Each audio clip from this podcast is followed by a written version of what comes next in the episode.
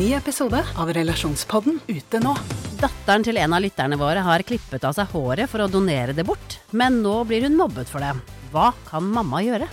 Og hva gjør du når 14-åringen ikke vil ha den kjipe stebestefaren i konfirmasjonen sin? Ta hensyn til konfirmanten eller til mormor. Hør Relasjonspodden gratis der du hører podkast. Du hører på Siri og de gode hjelperne. Ukas gode hjelpere er artistene Jenny Jensen og Tix. Jenny er sendt både som soloartist, men også frontfiguren i eh, Septimus. Og så har du nå uh, jubileum med 50 år på scenen. Ja. Vil det si at du begynte som tiåring på scenen? Ja, for betaling. For betaling? Ja, for betaling, men jeg Ja. sto jo på scenen første gang jeg var en tre-fire år. Men uh, første lønna jeg fikk, jeg husker jeg sto fire timer på scenen og sang til dans i heimbygda mi. Med bygdas eh, danseband, ja. Og fikk utbetalt skattefritt hele 40 kroner. Oi, oi, oi, oi, oi. og det er foreldre, så derfor tør jeg å si det nå. Så ja, jeg har tjent penger på Jeg har levd av musikken min i 50 år. Som Også, betyr at du straks fyller 60. Ja. Altså til uka. Ja. gratulerer på forskudd. Takk, takk.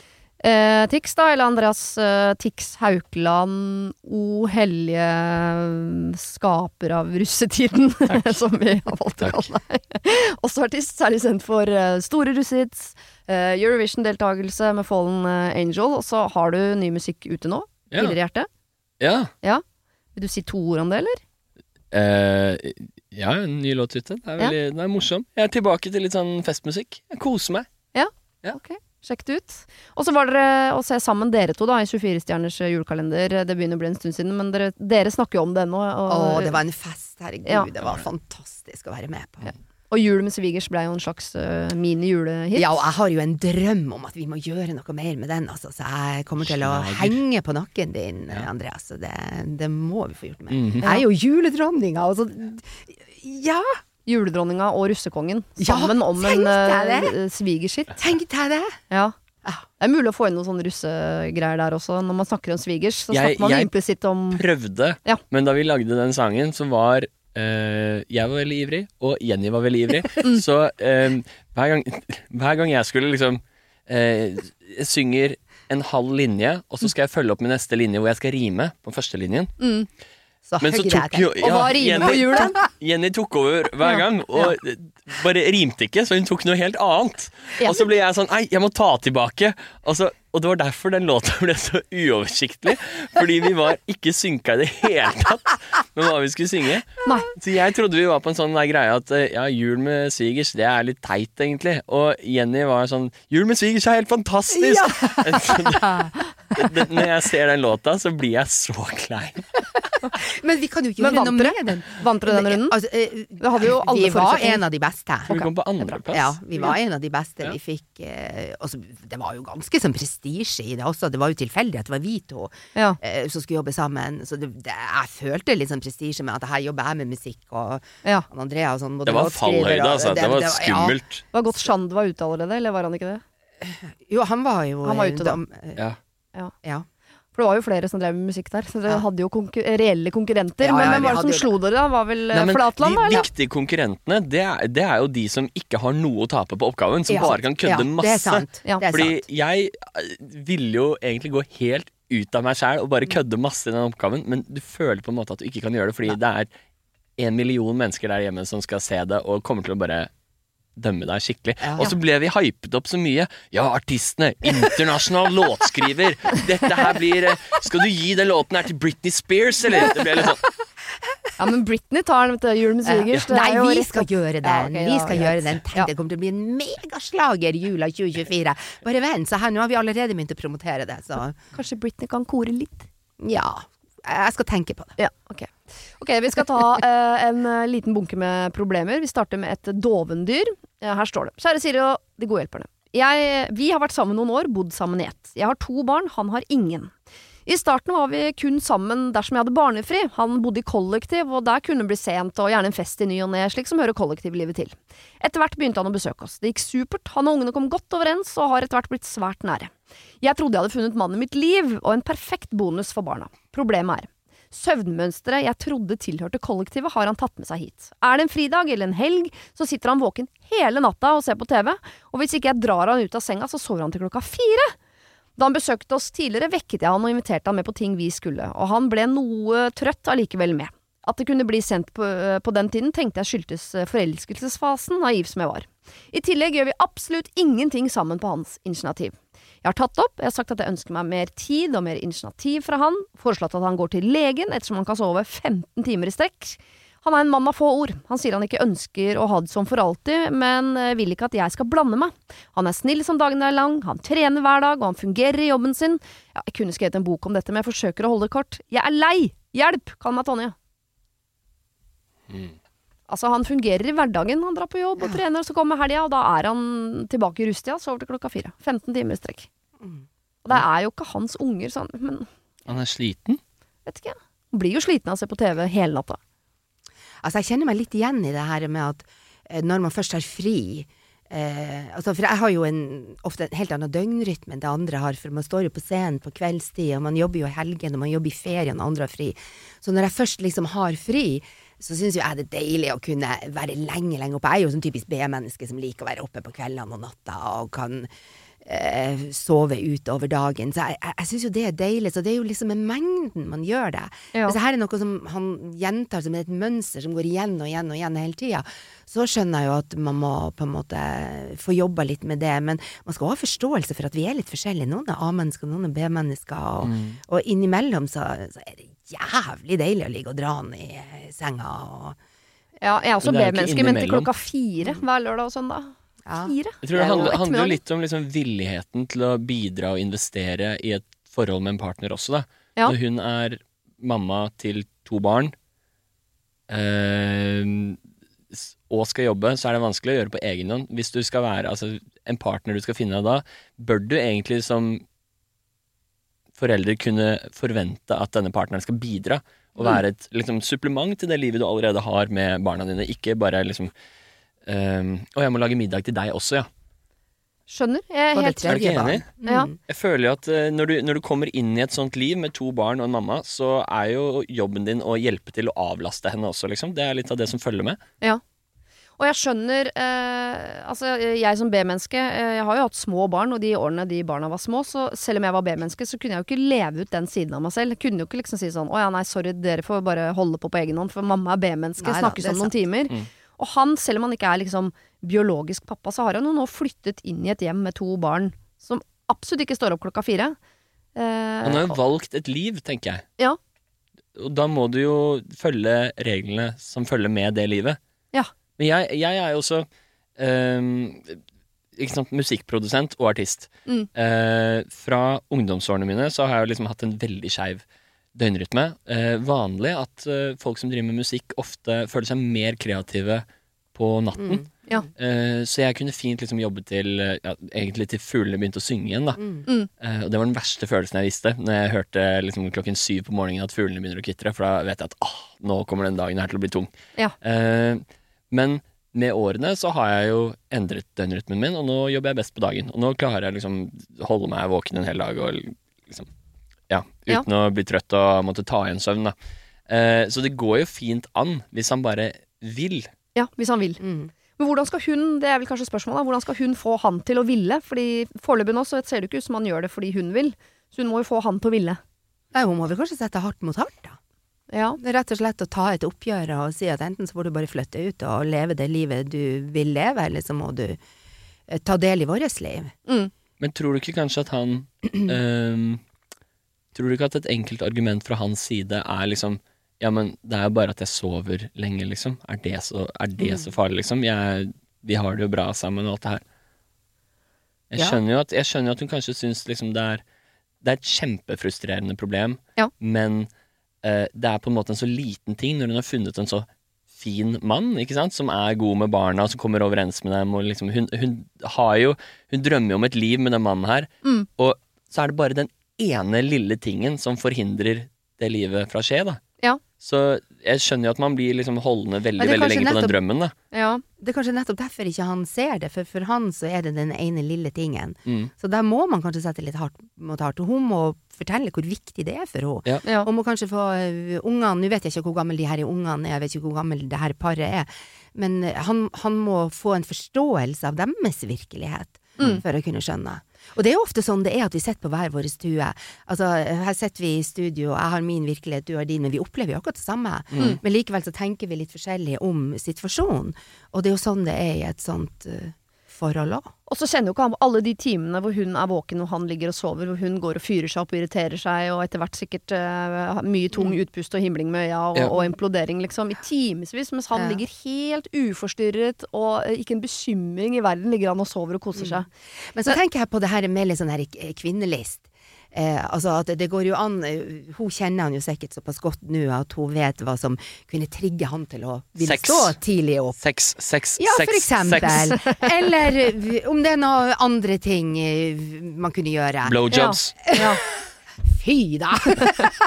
Du bruker han så mye Nei, jeg er eneste mannen her, ok? Jeg, du må spørre Må meg. Ja, men det er helt greit. Jeg er nordlending, så jeg er vant til sånn.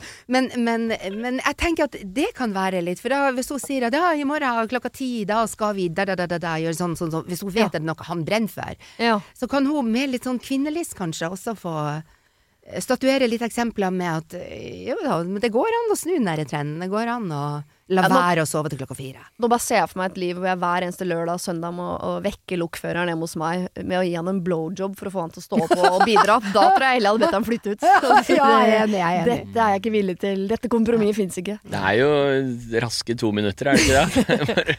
Ja, det er eh, kanskje en smal Så investering. søver han kanskje videre etterpå. Ja, det var det. det, var det. Ja, nei, han blir enda mer trøtt. ja. Men det er jo, jeg, nå vet ikke jeg hvordan eh, livene deres er eh, lagt opp, da, men jeg vil jo tro at kanskje annenhver helg så er kanskje barna hos pappaen sin. Da Ja. kan jo han få lov til å leve ut B-menneskelivet sitt og sove til klokka fire. Fordi Ja, for jeg, jeg må bare si, jeg setter så pris på hver gang jeg får sove lenge, selv om mannen min er A-menneske har vært oppe og bakt brød og fyrt i peisen og holdt på i timevis når jeg står opp. Mm. Elsker at jeg får lov til det. Det er så viktig for meg å få lov til å sove. Eh, Så kanskje annenhver helg at han skal få lov til Ja. å leve ut den siden av seg, men at han må forstå at de helgene hvor eh, hvor ting skal skje. Hvor det er liksom Man må ut og finne på ting og gå turer og liksom eh, I hvert fall i noen år nå, fram til de ungdommene kommer i puberteten og ikke vil gjøre noe annet enn å sove selv, så må han stå opp. Og så får han leve livet sitt de der helgene hvor han, hvor han ikke har disse bonusbarna. ja, men det syns jeg er en fornuftig. Ja, løsning. og så sier hun også at hun ønsker seg mer initiativ fra han. Og hvis man først er en som ikke tar initiativ, er, den er vanskelig å snu, ass. Ja, jeg tror ikke du klarer å snu det. Nei. Jeg tror Jeg- du må bare leve med at der er det du som tar initiativ, men han må bli flinkere til å si ja. Ja. Ikke si sånn nei, jeg vil gjøre noe annet. Mm. Altså menn som ikke tar initiativ, de må alltid si ja. Det mener jeg må være en regel. Men altså, det er jo en regel som heter mm, happy wife, happy life. Han Ja. har ikke skjønt det, han der. Ikke helt. Så det bør han få prenta inn. Ja. Så Tonje, du må være strengere med typen din. Mm. Du må la han få lov til å sove og være seg sjøl kanskje annenhver helg, hvis det går an. Og så må du være veldig veldig streng med han de helgene hvor barna er hos dere. Da må han faktisk stå opp og bli med på ting. Men jeg tror egentlig måten du må gjøre det på, er Fordi fra hans side så vil det fremstå som litt sånn nagging, liksom. Ja. Så jeg tror det er viktig at hun legger det fram på en saklig måte og sier hør her, det her er skikkelig viktig for meg. Ja. Fordi eh, dette gjør meg liksom så oppgitt og frustrert, fordi, og jeg blir så lei meg fordi jeg drømmer om et liv med deg, og du er alt jeg vil ha, bortsett fra den her ene tingen som jeg føler at forhindrer oss fra å ha det livet sammen. Mm. Kan du være så snill å prøve å gjøre noe med det? Fordi hvis ikke så kan ikke du og jeg uh, være sammen. For For det her er ikke det livet jeg og barna mine skal ha. Og det ødelegger jo helgene deres, for det vil jo si at hver lørdag og søndag når han våkner, så er jo hun potte sur antagelig, for hun har jo vært sur i Mm. ni timer hun, mens han har ligget og sovet. Så når han endelig er liksom klar for dagen, så er jo hun ferdig, på en måte. Det vil jo si at de aldri har en hyggelig lørdagskveld sammen, fordi hun er jo lei før han har stått opp. Mm. Nei, det der må vi snu. Et, ja, Men det, det handler om å legge det fram på riktig måte, da. Ja. Altså, En altså, gang veldig strengt, ikke han- sånn konstant nagging. Ja, eller hun, hun trenger ikke å være streng. Følelser. Jeg syns ikke hun skal være streng, hun må være tydelig. Ja. Fordi menn responderer ikke på at jenter er strenge med dem. Det er bare jævlig irriterende. Ja. I hvert fall når, det, når du har, føler at du har et godt argument på din side også, så legger du hardt mot hardt. Da, ikke sant? Mm. Eh, hvis hun legger seg fram som litt mer sårbar, så er det og liksom bare desperat. Da. Så er det mer eh, lettere for han å liksom komme med de siste trenge inn. 90 prosentene. Ikke sant? Mm. Dette trenger jeg for at vi skal ha det bra sammen, vi to. Ja. Må hun også legge i potten at de helgene hvor barna ikke er her, så kan du sove til klokka åtte på kvelden for alt jeg bryr meg. Ja. Det, kan du, det er ditt liv. Istedenfor å, treng- i stedet for å ta diskusjonen hele veien, så kan du også si Kan du ikke være så snill å tenke litt over det? Ja. Så kan du gå. Ja. Så Enig. har hun i hvert fall planta det hos han, så kan hun ta det opp senere. Også. Nå skal vi til hun jenta som alltid må se det an. Jeg husker ikke hva dere sa eh, Vi tok en sånn lynrunde på dette. eh, hva dere sa der, om det er lov å se det an. Du syns det, Jenny. Det er lov å Ja. se det an, mens du, Andreas, mente at nei, det kan man ikke. Man må gi et svar. Jeg skal Ja, utdype hvis, du, har- hvis du har holdt på lenge, ja. ja, Ja, ja. ja, det har du. Hei, jeg har en god venninne som jeg har kjent i mange år. Vi har hatt våre opp- og nedturer, men har så langt kommet oss gjennom det meste, til tross for at vi er svært ulike. Jeg er planmessig, og jeg elsker folk, at det skjer ting hele tiden. Hun er veldig av og på. Når hun er på, er hun fantastisk, men det er helt umulig fra gang til gang om hun i det hele tatt dukker opp. Vi i gjengen eh, rundt henne er etter hvert vant med at hun ikke blir med på ting hun har sagt at hun skal være med på. Hun avlyser ofte på kort varsel, om hun i det hele tatt sier ifra. Jeg som kjenner henne best, har etter hvert skjønt at hun nok er et eller annet sted mellom veldig introvert og sosial angst, samt at hun har en jobb som tidvis krever mye av henne, som gjør at hun fra tid til annen er utslitt. Vi er også vant til at hun stort sett svarer på diverse arrangementer med ok om jeg ser det an, som jo er bedre enn å si ja for å så ikke møte opp egentlig. Men så begynner jeg å bli litt lei, da. Jeg lovte meg selv å ikke bli lei, og jeg har holdt igjen når de andre har irritert seg. Men når man arrangerer noe og blir møtt med 'kan jeg se deg an' hver gang, så blir man irritert etter hvert. Det er som om hun uh, sier at eh, 'dette er ikke viktig for meg', at hun kommer hvis ingenting annet står i veien. Og, og hun har sagt det at for å klare å være sosial, så må hun være fullada. Dette er hennes ord. Og det er greit hvis vi skal ha ost og vin på en torsdag, men dette gjelder også i selskaper der det er fint å vite hvor mange man blir. Men irritasjonen går mest på den holdningen 'jeg må se deg an' hver gang. Kunne hun ikke i minste ha skrevet 'Å, det har jeg kjempelyst til, jeg skal prøve å få det til', men jeg svarer tettere opp mot arrangementet hvis det er greit. Eller gud forby at hun selv har arrangert noen gang. Jeg fyller snart 40 og skal ha et litt større lag. Mat og opplegg og overnatting osv.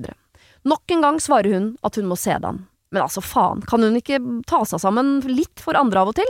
Ok, så er du ikke fullada, da, så ta litt tid på rommet mellom slaga, men dette handler jo om meg, vårt vennskap. Hun skulle eh, bare visst hvor mye jeg har kjempet for henne bak hennes rygg. Men nå er jeg såra, og jeg er irritert. Jeg har mest lyst til å svare nei, du kan ikke se det an, jeg må vite nå, ellers så gir jeg plassen din til en annen. Hvorfor skal hun ha spesialbehandling alltid? Men så vet jeg jo hvor gøy hun er hvis hun først kommer. Så hva skal jeg svare? Kall henne Emma og meg Sofie. Jeg merket jeg ble, jeg ble sånn irritert da jeg hørte det her. Ja, på uh, Emma, altså hun som alltid må se det an. Jeg, ble, jeg, jeg følte med irritasjonen til hun som skriver det her. Ja. Men samtidig så, så skjønner jeg veldig greia, for jeg er Emma. Ok, Emma er hun som eh, hun som må se det. Ja. Ja. Uh, jeg er henne, for jeg Det kommer veldig an på dagsformen og hvor mye overskudd jeg har. Mm. Um, noen ting er selvfølgelig så viktig at du liksom må Har kjæresten din bursdag, så må du må liksom Ok, vi må ta hele den dagen. Den må gå som den skal gå. Ja. Men eh, Så selv om du er på 40 da, så må du, da må du gi de 40. ja, ja, ja. Ja. Vi skal spise middag med foreldrene dine. Ok, det er greit. Mm. Vi skal, jeg skal klare det. Men eh, så finnes det andre ting da som bare Ja, vi skal ha vors, og så skal vi på byen, liksom. Hvor du Mm. merker kanskje at ah, jeg er ikke Sosiale batteri er ikke der, liksom. Nei. Det vet man liksom ikke. Før den dagen. Men noen ganger så må man også klare å liksom Det handler jo litt om selvdisiplin, da. Og bare det å klare å committe til noe. Ja, og sånn som en 40-årsdag da. For hun uh, nevner jo eksemplene ost og vin på en torsdag, og jeg er enig i Mm. at der må det være lov for de som, som er avhengig av, av å være fullada for å i det hele tatt møte folk. Mm. Men jeg beit meg litt i det der at uh, hun sa at hun hadde sosial angst. Ja, et eller annet sted mellom ja, ja. At det er eh, At det kan være sånne grunner som man da ikke forstår. For det er jo en Altså, noen bærer jo på en ryggsekk som man ikke ser. ja. Eh, og det er jo da det blir krig. Det er da det blir clinch. For at vi, virkeligheten min er så totalt forskjellig fra virkeligheten din. Mm. Så, så det, det er litt vanskelig, det der. Og så er det liksom Har de der to vært gode venner i mange, mange, mange mange år, og hun har levd med det? Er det her noe som har utarta seg, blitt verre og verre? Eller liksom, hvordan har utviklinga vært? Det syns jeg òg har litt å si. For hvis man ser at det her skjer oftere og oftere, og man skjønner at her er det enda mer sosial angst som kommer inn, så vil jeg kanskje ha sittet ned og prata med denne venninna, og både fortalt min side, men gitt uttrykk for at jeg forstår deg, men fortell litt mer, sånn at jeg kan forstå deg enda mer. Mm. Eh, jeg syns det der er litt vanskelig. Jeg kjenner jo folk som har sosial angst, og det er eh, det er vanskelig å gripe det an, for du kan på en måte ikke forlange at nå skal du høre her, liksom, nå er det min 40-årsdag, og så må du komme med et ja eller et nei. Mm. For at de kan, de kan få et, et anfall dagen før, Ja, ja. rett før det skjer, og da må man på en måte skjønne det litt også. For jeg, altså, jeg har vært Men jeg tror ikke hun har sosial angst. Jeg tror ikke hun er diagnostisert med det, for da hadde hun bare skrevet at hun har sosial angst. Enig. Så det er mer det at eh, jeg, alle jeg, 90, ja, men 90 av folk sier jo at ah, jeg har sosial angst. Mm. Eh, jo mer jeg, jo større jeg ble som artist, jo mer tendenser til sosial angst fikk jeg også. Mm. Sånn på det ganske grove periodevis. Mm. Eh, men det jeg merker, er at jeg tar meg selv også da i at jeg Bruker det som unnskyldning. ja, eller jeg finner unnskyldninger. Mm. Jeg, det er om å gjøre å finne unnskyldninger når du er sliten og ikke orker det. Mm. Ja. Um, Og nå er den unnskyldningen til denne uh, Emma litt sånn uttalt, for jeg tror idet hun begynte å på en måte være åpna sånn 'jeg må alltid se den, så tror jeg det er enda lettere for henne å alltid skrive 'jeg må se den, Ja. og ha på en måte den friheten til å, å vurdere det eh, den dagen ting skjer, og Ja. ikke måtte ta stilling i forkant, som jeg syns er en litt sånn en luksus hun ikke nødvendigvis alltid altså, som, skal tilrettelegges for bestandig, med mindre Mm. hun da faktisk har diagnosen sosial angst. For at, men da for jeg vet ikke, sånn, Vil jeg at venninnen min skal svare 'Å, jeg må se deg an', eller vil jeg at hun skal svare ja, og så ikke møte opp? Og hadde venninnen min hatt, faktisk hatt sosial angst, så, er, så hadde jeg godtatt at hun hadde svart ja, men den dagen Det er jo som om hun hadde fått uh, omgangssyke den dagen. Altså, jeg skjønner at ikke Men du altså, kan jeg komme. har, jeg har jo opplevd litt ut av det der. Altså, jeg er ikke Emma, jeg er på den andre sida. Ja. Men har jo et uh, vennepar som veldig ofte sier ja, skal komme, og så blir det i siste liten, og de må se det an, og så har det plutselig skjedd noen alvorlige ting i familien, og så to timer før, og så har du, eh, så har du et stort selskap. Det kan være 17. mai, du har beregna mat, altså you name it. Ja. Men, men min eh, tilnærming til det er jo at jeg vet at ok, sånn er det. Eh, Ja. Jeg fortsetter å invitere, men jeg regner ikke med dem. Nei. Eh, Jeg bare fortsetter å invitere, og så blir jeg jo gledelig overraska hvis de kommer. Så har jeg en eller to kuverter eh, klar. Men jeg, jeg regner med at ja, det er nok rett før at jeg får en telefon eller en SMS med at de ikke kommer. Så det, det har vært min måte å gjøre det på. Men Men, vet- jeg klarer ikke å kutte dem ut. Men det. vet de det? For jeg tenker, jeg tror jeg ville ha visst det hvis jeg hadde venner som, som aldri regna med at jeg dukka opp. Jeg tenker Ja, at det er en grei beskjed å få. Ja. Uh, nei, jeg syns at uh, For jeg vet at det kan være så mange, mange grunner. Ja. Sånn at jeg tenker at uh, jeg fortsetter å invitere, og blir jo kjempeglad når de da kommer, og det har skjedd. Men eh, når de uteblir, så tenker jeg at ja ja, jeg var jo egentlig forberedt på det. Men det høres lurt ut her, for Sofie er jo veldig glad i Emma, har støtta Emma i øh, alle år, og har egentlig hatt ganske mye forståelse for Emma og Emmas uh, situasjon, hva nå den er. Mm. Uh, og sier at når Emma er her og hun er på, så er hun utrolig gøy. Så jeg tenker at Emma skal fortsette å inviteres. Men jeg syns også, i og med at de er så gode venner, at Sofie kan ta en prat med sånn øh, Jeg skjønner at uh, det er vanskelig for deg å vite bestandig om du kommer eller ikke, men når det er 40-årsdagen min, så jeg, jeg bare blir litt lei meg når det virker som om om du nesten ikke bryr deg. For hun sier sånn, hadde hun ennå skrevet sånn 'Å, det er jeg kjempelyst til, det håper jeg jeg får til'. Mm. Så jeg, jeg tror jeg ville nesten bedt henne sånn, kan du ikke bare skrive sånn 'Ja, det har jeg kjempelyst til', og så vet jo jeg Jeg kjenner deg jo godt nok til at jeg vet at hvis den dagen blir helt umulig for deg, så kan du ringe meg og si 'I dag har jeg en sånn dag'. Mm. Eh, og så enten tilrettelegger vi for det, at da Hyggelig at du kommer, men da skjønner jeg at da blir du mest på rommet, men du kanskje kommer ut eh, under middagen eller et eller annet. Eller du kommer ikke, men du virkelig prøvde. For det er den derre "Ah, 'Jeg ser det an, jeg'. Som er en sånn holdning hvor man tenker sånn Ok, du ser det an. er Så nok. alt må ligge til rette for at du i det hele tatt skal gidde, liksom. Mm.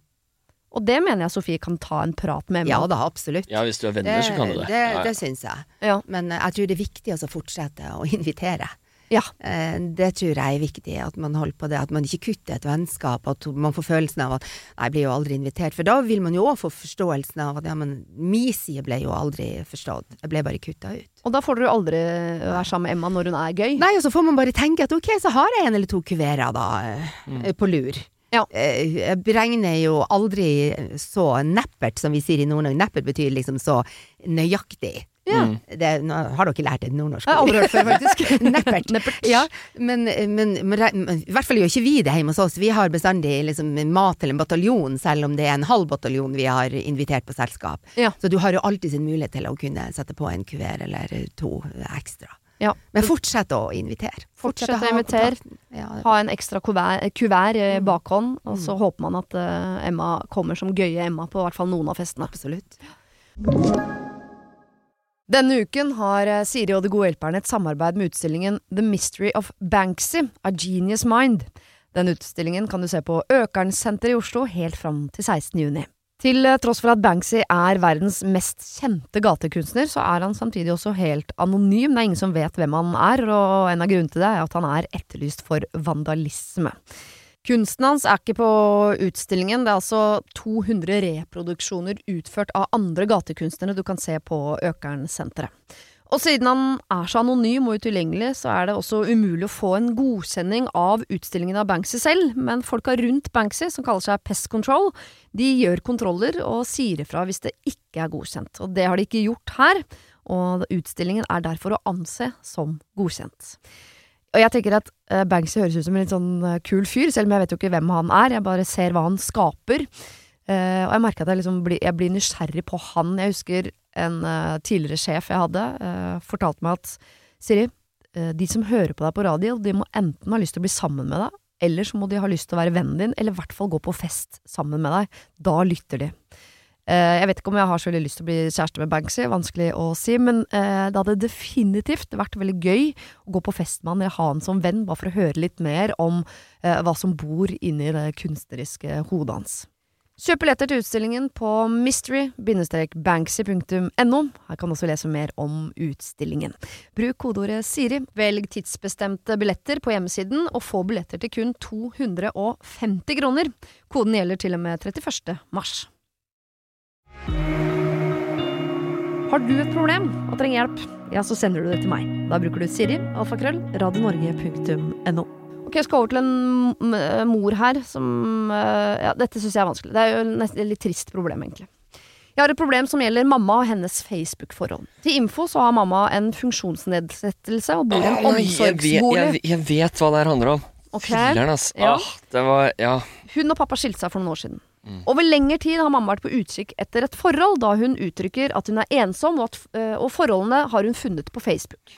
Disse mennene hun har hatt kontakt med, er dessverre for oss øh, som ser det utenfra, helt åpenbart svindlere. Mm. Profilbildene er tydelig falske, de kommuniserer med henne på en måte slik at hun får bekreftelse på alt hun trenger. Alle er fra andre land, og har også, øh, noen har også bedt henne om penger. Er det noen av dem som heter eh, Andreas Tix Haukeland eller noe sånt? Tilfeldigvis? Nei, det er det mange som utgir seg for å være deg, og er i forhold med Hundrevis! Hundrevis! Ja, ja, ja. ja. Så det er mange som tror at de er sammen med deg. Jeg blir jo nesten eh, ringt av politikammeret månedlig nå. Fordi Oi. folk blir eh, Ja, ja. For det er ensomme det mennesker her der ute som tror de har fått deg som kjæreste. Kjenner jeg meg så mye igjen i. Åh, Ja, shit, ok. fortsett. Ja. jeg leser resten.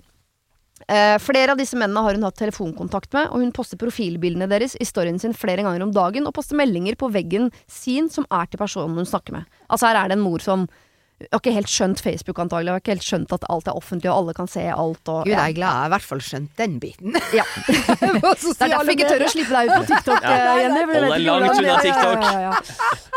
Ok, Vi har tre søstre som flere ganger har snakket med henne om dette og har delt bekymringene våre. Vi har prøvd å være forståelsesfulle, og- og vi har vært direkte og ytret våre eh, perspektiver på situasjonen. Hun er stort sett i benektelse når det kommer til dette, eh, og at det kan være svindel. Hun har tidligere lovet å ikke overføre penger, men for ikke så lenge siden så ba hun pappa om hjelp til å gjøre nettopp dette, noe som ikke ble noe av.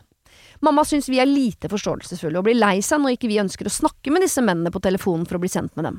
Hun er opphengt i mobilen i familieselskaper og snakker lite om andre ting. Den ene søsteren min gikk med på en gang å snakke med en av disse mennene på telefonen, og klarte da å avsløre han for mamma som svindler. Hun har tilbudt mamma å snakke med denne nyeste personen som hun nå er sammen med, men gjorde da klart at hun også ville prøve å finne ut av om dette er en svindler. Mamma sa da at du får ikke snakke med han allikevel. Nylig var vi på besøk hos henne alle tre søstrene, og hun sa at dersom vi ikke godtar hennes forhold, kan vi like så godt ikke besøke henne mer, da hun har behov for å være i et forhold. Jeg kjente da at det bobla inni meg av sinne og frustrasjon. Jeg tenker at hun ikke forstår hva hun sier, men det føles sårt. Jeg opplever mamma som nedstemt, og hun har flere ganger begynt å gråte pga. forskjellige situasjoner med disse mennene. Vi er rådville på hva vi skal gjøre. Har dere noen råd eller tanker rundt denne situasjonen? Hilsen Kaja. Jeg vet hvem det er. Denne moren. Ja, eller døtrene. Er det sant? Jeg, jeg tror uh, jeg, Altså, jeg tror Jeg føler meg Når jeg hører denne historien her, så føler jeg meg 99% sikker på at jeg vet det. Jeg tror jeg har fått en melding fra en av døtrene som har fortalt meg den historien her allerede. Oi. Og at det er uh, jeg som er i et forhold med denne damen. Blant annet, da.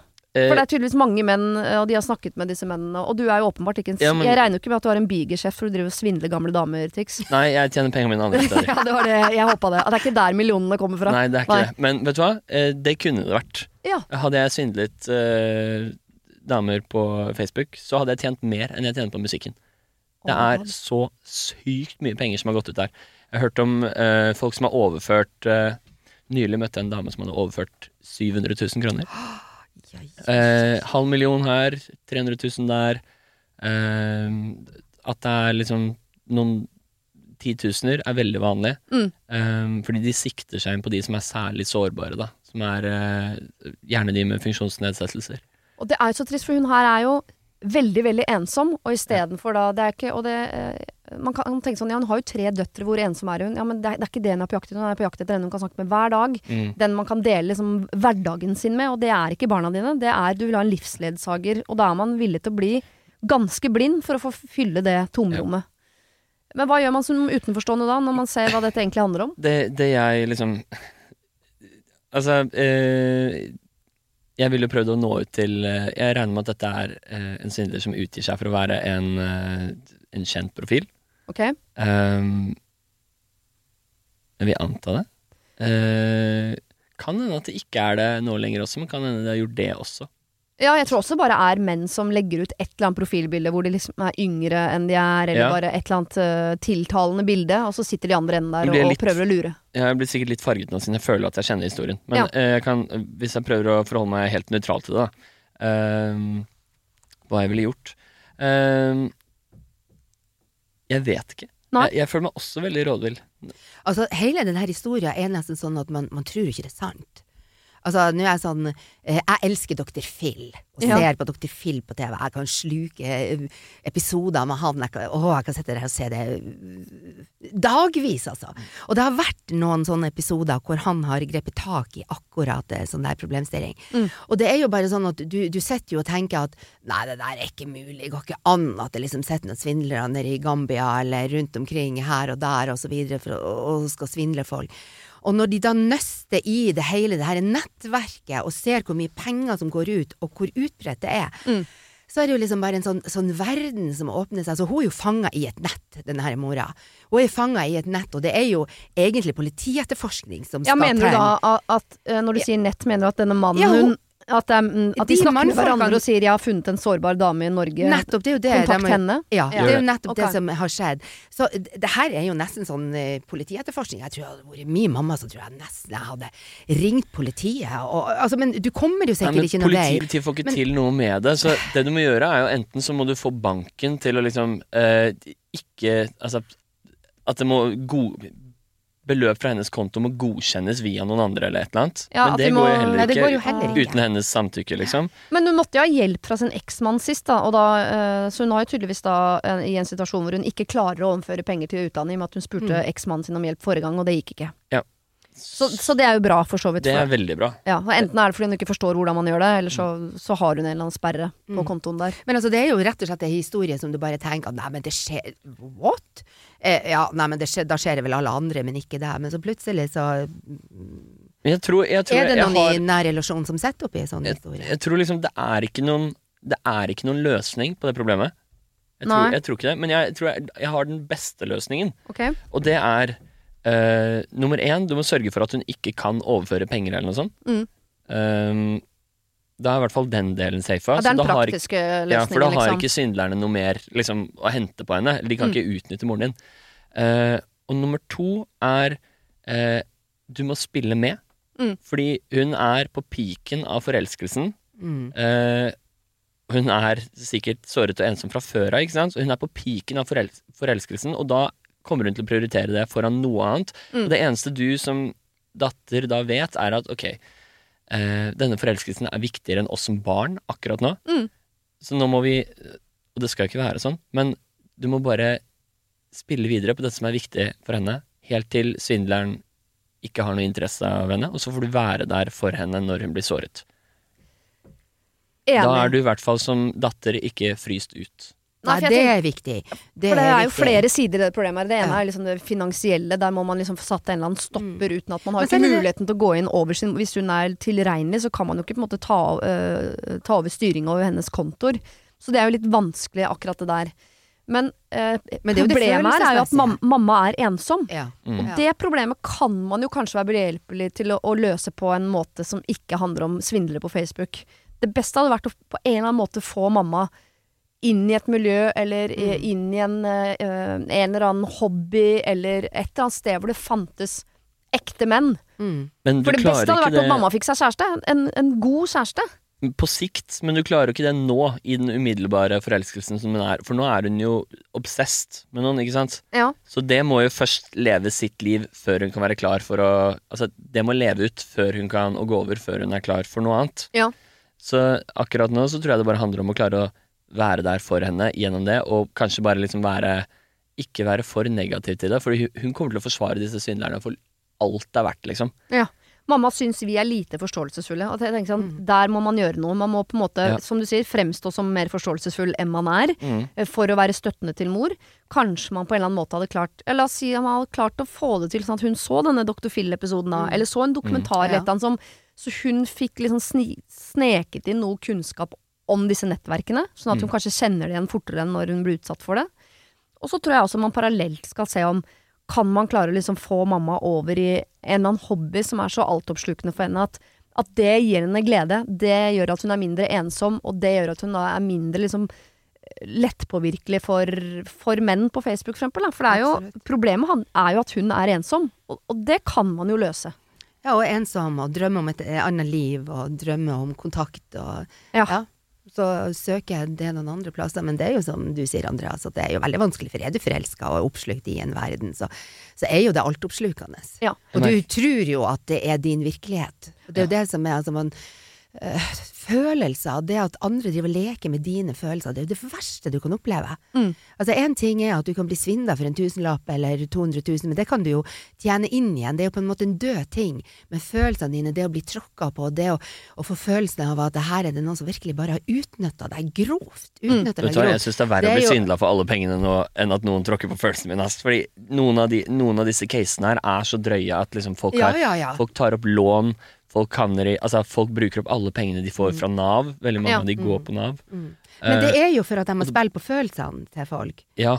Men Eh, det er jo for at de eh, jeg vil heller bli såret enn å miste alt jeg har og slite resten av livet med det. da Særlig Ja. når du kanskje har en familie du skal forsørge. Eller hun har vel ikke noen å Men jeg tror ikke vi snakker om bare det å bli såra her, for her er det jo ei som er inne i et dragsur, Ja. i et mørkt hold av ensomhet og fortvilelse over livet sitt. Hun har en funksjonsnedsettelse, hun ser ikke, hun øyner ikke noe håp på at hun kan få eh, noe sosialt liv, så det her er halmstrået hennes. Mm. Så det er noe helt annet enn eh, mange andre som bare kan Men eh, jeg, jeg er litt uenig, fordi det blir på en måte å anta det aller, aller verste om den personen her, og jeg tror ikke ehm, Jeg tror døtrene reagerer på det her fordi hun er ikke en sinnssyk eksistensiell livskrise utenom det her. Det er mer når det her har dukket opp. Mm. Så eh, forsvarer hun det med at hun er så ensom ellers alt her, men jeg tror ikke hun har gått rundt og vært deprimert i mange år, og så plutselig dukker det opp en som kan redde livet hennes.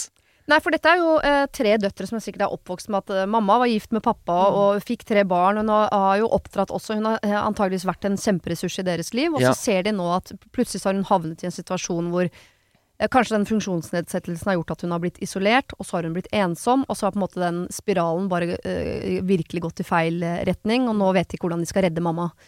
Men jeg Men bare altså- tenker, jeg tror det er livsfarlig å gi mamma for mye sånn streng motstand på dette her. Fordi hvis man er forelsket, og man får motstand fra verden utenfor, så kan man bli enda mer sikker. Da blir den kjærligheten enda viktigere og enda større. Og så Ja. blir det oss to mot verden. Mm. Og da har vi mistet mamma. Ja. Ja, det er helt klart. Ja, Men altså, vi alle sammen er jo ute etter å bli sett, Ja. etter å bli hørt, etter å bli elska, Mm. og bli verdsatt. Mm. Det er jo verdier som vi, vi- som vi setter veldig, veldig, veldig høyt, og som er livsviktig for oss. Ja.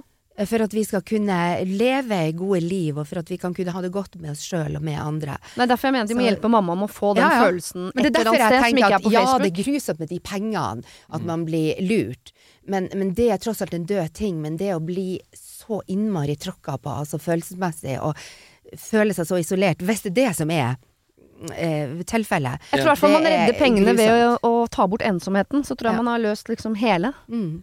Eh, At det der med å sette liksom lås på kontoen og sånn, det er en veldig sånn praktisk og god løsning eh, som jeg tenker at de må få på plass hvis det går an. Mm. Men for å løse problemet på sikt, så ikke det dukker opp på nytt og på nytt og på Ja. nytt, så Ja. må det være å, å på en eller annen måte få mamma til ikke være ensom lenger. Jeg tror jo også at altså Hadde det der vært noe jeg hadde opplevd med min mamma, så tror jeg at et ut av mine store problemer vil jo være å skjønne hennes verden. Ja. For at for meg ville det bare vært sånn Hæ? Eh, Nesten sånn latterlig, liksom. Nesten er det Lever du i Donald Duckeby, liksom? Mm. Eh, Det tror jeg hadde vært mye ut av eh, mitt problem, å klare å også skjønne at det virkelig skjer. Og mamma kan jo bli sint der og si sånn Hvorfor unner dere meg ikke glede? Er ja. å ja, dere er ute etter arven? Ja, så du tror at jeg skal bruke opp arven? Altså, man kan jo bli ganske sånn Ja, etter hvert hvis man får for mye motstand på noe som for meg nå virker ekte og viktig Ja. og Mm. Ja. Jeg merker jeg blir skikkelig Jeg blir skikkelig, skikkelig oppgitt av å høre om det her. Og så Ja. blir jeg ordentlig trist. Fordi jeg får meldinger om det her liksom daglig. Ja. Så faktisk daglig. Uh, og det er Og jeg klarer ikke å, klarer ikke å finne et, en god du- løsning på det. Min løsning er at Altså, jeg har opplevd så mye av det, eller altså opplevd så mange meldinger om det her, da, Ja. at jeg nesten begynner å bli litt sånn at eh, det bør være en lås på sosiale medier for folk med funksjonsnedsettelser. Eller du bør, være, du bør kunne bevise deg skikket til å bruke det. Og det er jo ikke lov å si i det hele tatt. Det er ikke politisk korrekt å si i det hele tatt. Men når du ser alle disse tilfellene, så begynner du å lure på om Mm. kanskje Kanskje. Det skulle vært et filter. Ja, det skulle heller vært en lås for de som er ute etter å svindle folk med, Ja, men det eh, går jo som er ikke. ensomme. Det får Nei, man jeg ikke vet det, men det, er bare, det føles litt som å si sånn Å ja, du blir mobba, da må du bytte skole. Det er på en måte, Ja. Man må jo ta Ja, den slemme. men, så er det, men så er det fortsatt sånn at hvis du blir mobbet, og liksom mobberen Du ikke klarer å fikse mobberen, så hadde jeg som forelder bytta skole for kiden min. Jeg skjønner Ja, det ja. Og det, og det er liksom det er, det er en løsning. Det er ikke den optimale løsningen, men det er en løsning. Mm. Og hvis ikke du tar den løsningen, så er det jo ikke noen løsning. Da, da Ja, får kiden din jeg har opplevd mobba. akkurat det. Ja. Så jeg vet jo at det, altså, For meg ble det jo til slutt den optimale løsninga. Jeg var så grisemobba i to år på skolen at jeg gikk aldri syvende skoleår. Jeg måtte bli tatt ut av skolen Mm. og flytta til en helt ny klasse. Ja. Eh, og, og det ble jo redninga mi. Mm. Men det er jo for jævlig å sitte og tenke på at de som faktisk grisemobba meg i Ja, to år, eh, at de kunne fortsette med sine liv. Og, og, og, og det som egentlig var det tøffeste midt oppi det der, det var jo det at de hadde foreldre som ikke kunne skjønne at sine små Ja, ja. eh, kunne gjøre noe sånt. Ja. Så, så ja, Det er jo ikke rettferdig, Nei, men det, det løser rettferdig. problemet. Det gjør det der og da. Og på sikt så har jo jeg sett at det løste mitt eh, problem. Og Men- enda mer urettferdig her for de som svindler. De er Ja. klar over at de svindler. Ja, Nå er det ikke alle mobbere som er klar over at det er det de driver med, men svindlerne Nei. vet at de svindler, og det er et bevisst nettverk, Ja. og de holder på med Ja. det, og de utnytter eh, sårbare og ensomme Ja, ja. mennesker. Men Andreas, Men- jeg har, et spørsmål. Eh, Opplever du at du får tiggerbrev? Ja, ja. Ja, for det, det, det opplever daglig- jeg en god del av. Altså ikke uh, sånn på nett som det her med, med, med svindling, men, men det at du får faktisk brev i postkassen med folk som lurer på om du kan gi penger, eller om du kan Det tok ganske lang tid før jeg, før jeg fikk det. Jeg hørte Ja. om det liksom fra Staysman og sånn, om eh, at Ja, men eh, eh, Jeg det- tror jeg begynte å få det da folk skjønte at jeg var snill. At folk Ja, ikke trodde jeg var den russegutten. Da begynte jeg å få det. Ja, nettopp. Det syns jeg er utfordring. Altså, jeg, jeg, jeg svarer jo ikke på sånt, men liksom at folk går så langt at de setter seg ned og med Men det er jo en ærlig sak og en desperasjon bak, mens Ja. disse svindlerne tenker jeg sånn Det er Det er sikkert en desperasjon der også, men der også. ja. Men disse svindlerne er Ja, eh, jeg Nei, jeg kjenner jeg blir ordentlig lei meg. Jeg har ikke, jeg har ikke noe ordentlig svar på det her. Altså. Jeg, men du kan ikke være for hard med moren din. Du må bare prøve å safe økonomien. Jeg ville fulgt med Jeg ville prøvd å liksom infiltrere livet hennes litt. Finne ut mest mulig. Få høre alle oppdateringer. Fortell Ja. om han her. Ja. Slik at du hele tiden vet alt som foregår. Slik at hun overgir all informasjonen til døtrene sine. Mm. eh, og er så gira at hun kanskje ringer datteren. 'Ja, nå sier han det. Ja, jeg skal kjøpe den greia til han.' Ja. Slik at du i hvert fall er bevisst på det før hun overfører penger, slik at du kan stanse det. Mens hvis du bare lar henne leve sitt eget liv med den forelskelsen her nå, så kommer hun til å bruke opp alle pengene sine og bli lurt. Det er ikke nå dere skal bli uvenner med mamma. Nå må dere på en måte, Om det er fake eller ikke, så tenker jeg vær masse nysgjerrig. Prøv å fremstå som så øh, støttende som mulig. Ja. Se om du kan finne en vei som gjør at øh, altså. mamma blir mindre ensom. Men samtidig ikke så støttende at hun får følelsen av at ja, du lever i samme verden som Nei, for du må også snike inn Mm. info her hele tiden, om det er å, å se dokumentarer hun eller kom- ikke sant. Nei, nei, vet du hva? nei jeg, jeg tror ikke det, altså. For jeg, jeg tror at Jeg tror du bare må være helt på lag med henne, og så eh, passe på at ja, du kanskje kan komme med noen gode argumenter for hvorfor Nei, men overføre penger gjør vi ikke. Nei. Men jeg tror du må være helt på lag med henne, for før eller siden så kommer svindlerne til å dumpe henne.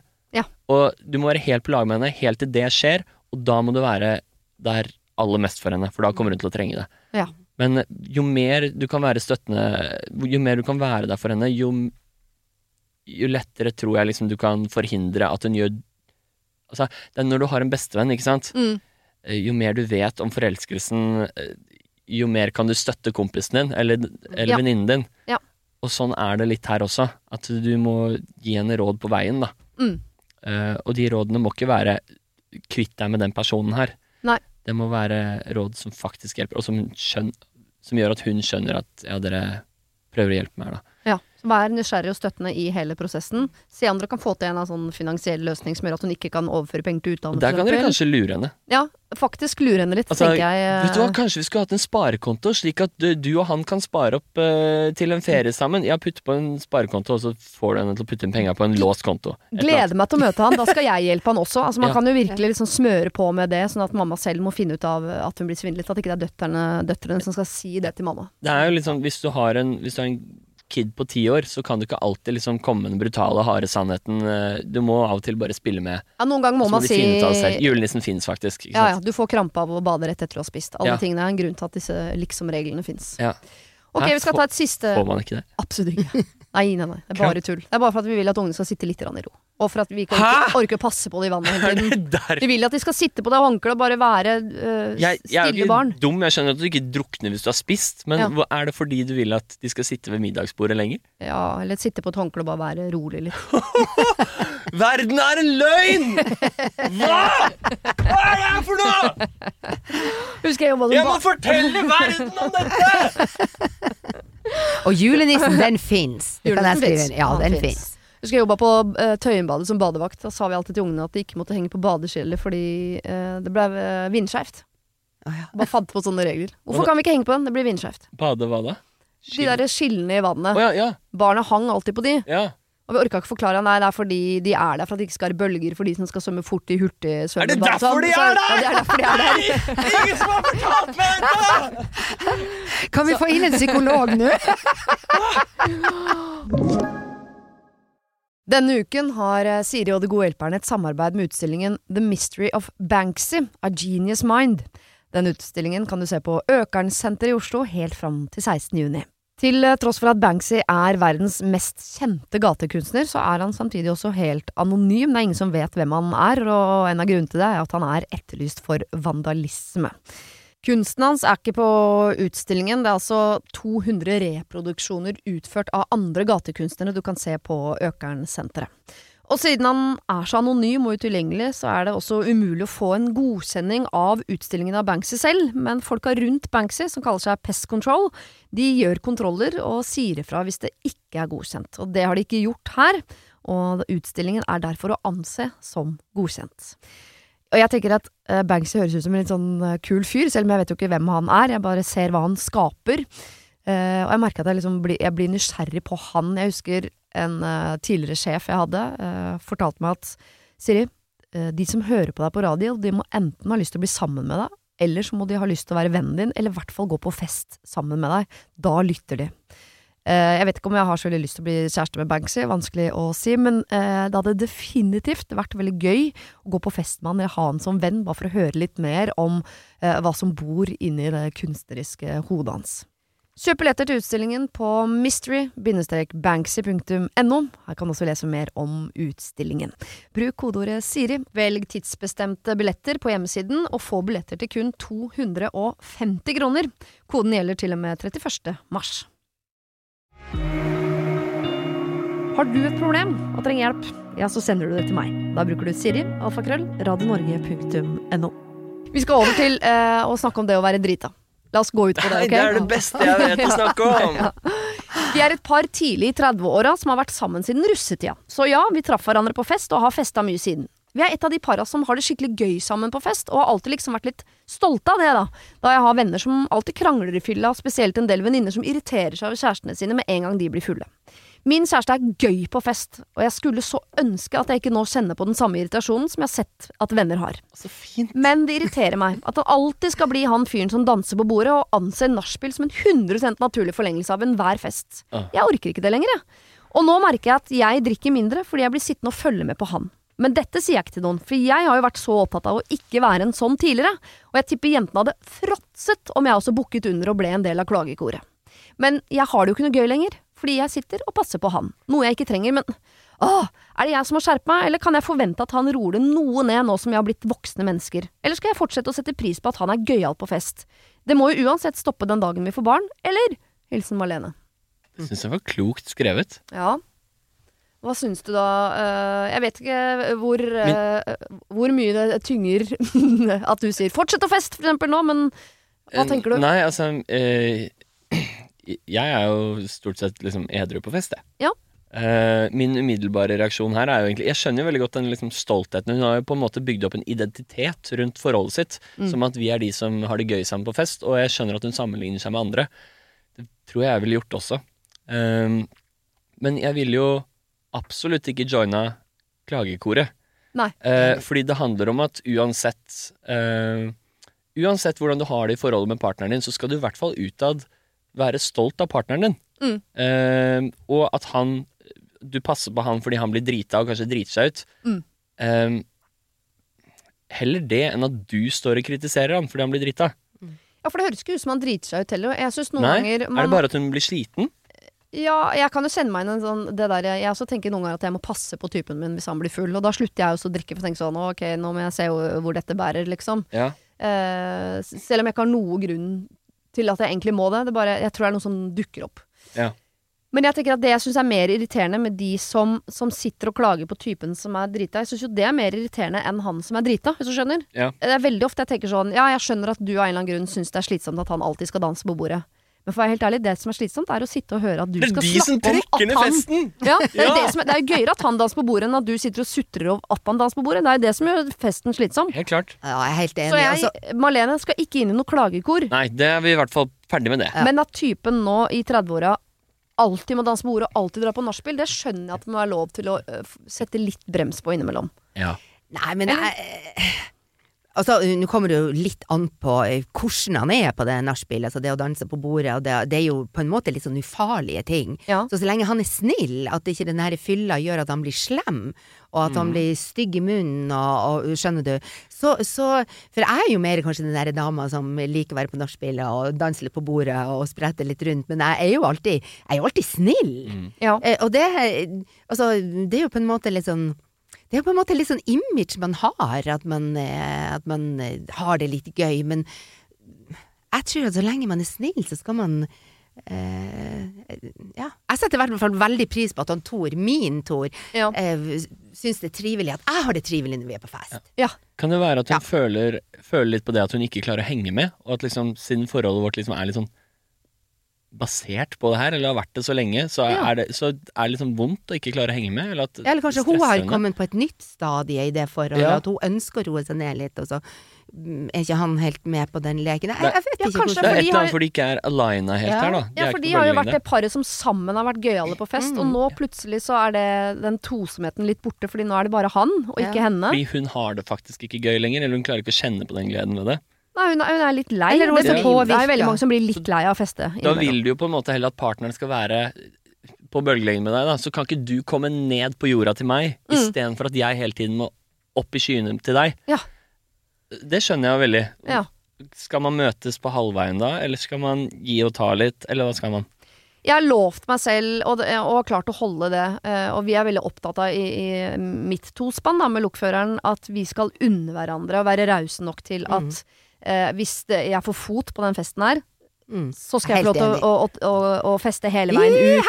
Ja! Jeg orker ikke sånn Å ja, men sa ikke vi at vi skulle ta det litt rolig i dag, da? Jo, men så blei det gøy, da. Og så Ja. blei jeg der hele natta. Er det så fa kan jeg ikke få lov til det? Fordi jeg tror jeg, jeg vil i hvert fall at han skal være raus nok til at jeg kan gjøre det, og da må jeg være det med han. Så jeg, jeg, jeg prøver å ikke liksom bli sur for det. Men jeg kan jo noen ganger i forkant av en fest si sånn vi skal på cup i morgen med dattera vår, liksom. Kan vi bare eh, Kan vi si nei til brun sprit i dag, og, bare eh, Mm. prøve å ta det litt rolig? Mm. Det mener jeg at man kan ta i forkant av en fest, og si sånn I dag, eh, gutten min, det har vært digg om vi droppa nachspiel. Mm. Jeg kommer til å dra hjem uansett før deg, du må gjerne ha det gøy, men kan du prøve ikke nachspiel i dag? Fordi jeg, har- jeg har lyst til at vi skal ha en fin dag i morgen, eller eh, Men at man eh, ikke på Jeg ville bare prøvd liksom å legge den samtalen før festen, ikke på festen. Ja. Helt Hvis man da helt først klart. er på den festen, Ja. og han har fått fot, og har rockefot Ja, ja, ja. oppå et bord, så er det sånn også, som- ok, nå, sier- sånn er han. Det er jo fryktelig viktig hvordan man oppfører seg når man har drukket. Ja. Ja. For at blir man slem og ufyselig, så bør man jo la være. Altså, det, høres de ikke- høres ikke sånn Nei, det sånn høres ikke sånn Nei, ut man bare er en jævlig så gøy lenge- fyr. Ja, Ja. Så, så lenge man har det gøy, og det er ufarlig, og man er morsom, og sånn, så, så, så, så tror jeg bare skal ha takhøyde for det. Det må altså. være slitsomt å alltid skulle holde følge da med den som er best på fest. Ja. Mm. Det i hvert fall når du For det, det kan jeg kjenne meg igjen i selv. At eh, jeg Det forventes jo at jeg skal være best på fest. Ja. Men uh, jeg har egentlig alltid vært litt sånn jeg har liksom Jeg har sett og opplevd så veldig mye at jeg er så lei. At jeg er litt sånn åh, orker jeg det her? Er det ikke Nei. Eh, Og så Så jeg, jeg skjønner at det der presset på at du liksom må henge med hele tiden, Mm. uh, at det kan være tungt. Ja. Det skjønner jeg veldig godt. Og at du kanskje liksom vil at Det høres jo nesten ut som en ber om Vi to vokser sammen. Kan ikke vi vokse opp likt også fremover, på en måte? At hun ber, kan ikke du vokse sånn som jeg vokser nå? Ja. For nå begynner jeg å roe meg ned, så kan ikke du gjøre det også? Og så kanskje en liten bekymring som hun jo nevner her, som må jo stoppe den dagen vi får barn. Så jeg, sånn, jeg, jeg, føler det er en unnskyldning. Ja, tror du det? Jeg hadde sett for meg, for jeg vet jo om de eh, Vi har jo eh, der jeg bor, for eksempel, folk som vi har sett at Mm. er ute og fester hver eneste lørdag til tross for at vi vet at de har nyfødt baby. Og det må jeg innrømme at er mennesker jeg ser litt ned på. Har du sett det? Det er, Gjør folk det? alle tettsteder har en sånn Å ja, men han er jo alltid ute og fester. Kona er hjemme med ungene. Tenk sånn, De mennene der, det er stort sett menn, sorry, ser jeg litt ned på. Og en sånn mann hadde ikke jeg orka å være sammen med. Hvis, hvis min mann hadde vært på, eh, på Oliven, stedet i Son, stedet uten mandager, hver eneste lørdag gjennom småbarnsperioden og gjennom gjennom hele vårt forhold, nei, nei, nei. Nei, det, det hadde jeg bare sagt eh, nei. nei. Ja, helt Nå trodde, jeg trodde jeg mente at du dro på fest når kiden var fem, jeg. Eller liksom når, i- Ja, nei. etter den Men uansett, hvis du er i et parforhold og du er på det lokale puben hver lørdag Nei. Nei, jeg, nei, Ja, det er jeg, jeg helt sier- nei, jeg sier nei til det. ja, men Ja. Grunnen til at jeg tenker at det høres litt ut som en unnskyldning, er liksom fordi hun vil jo allerede at festen skal roe seg ned.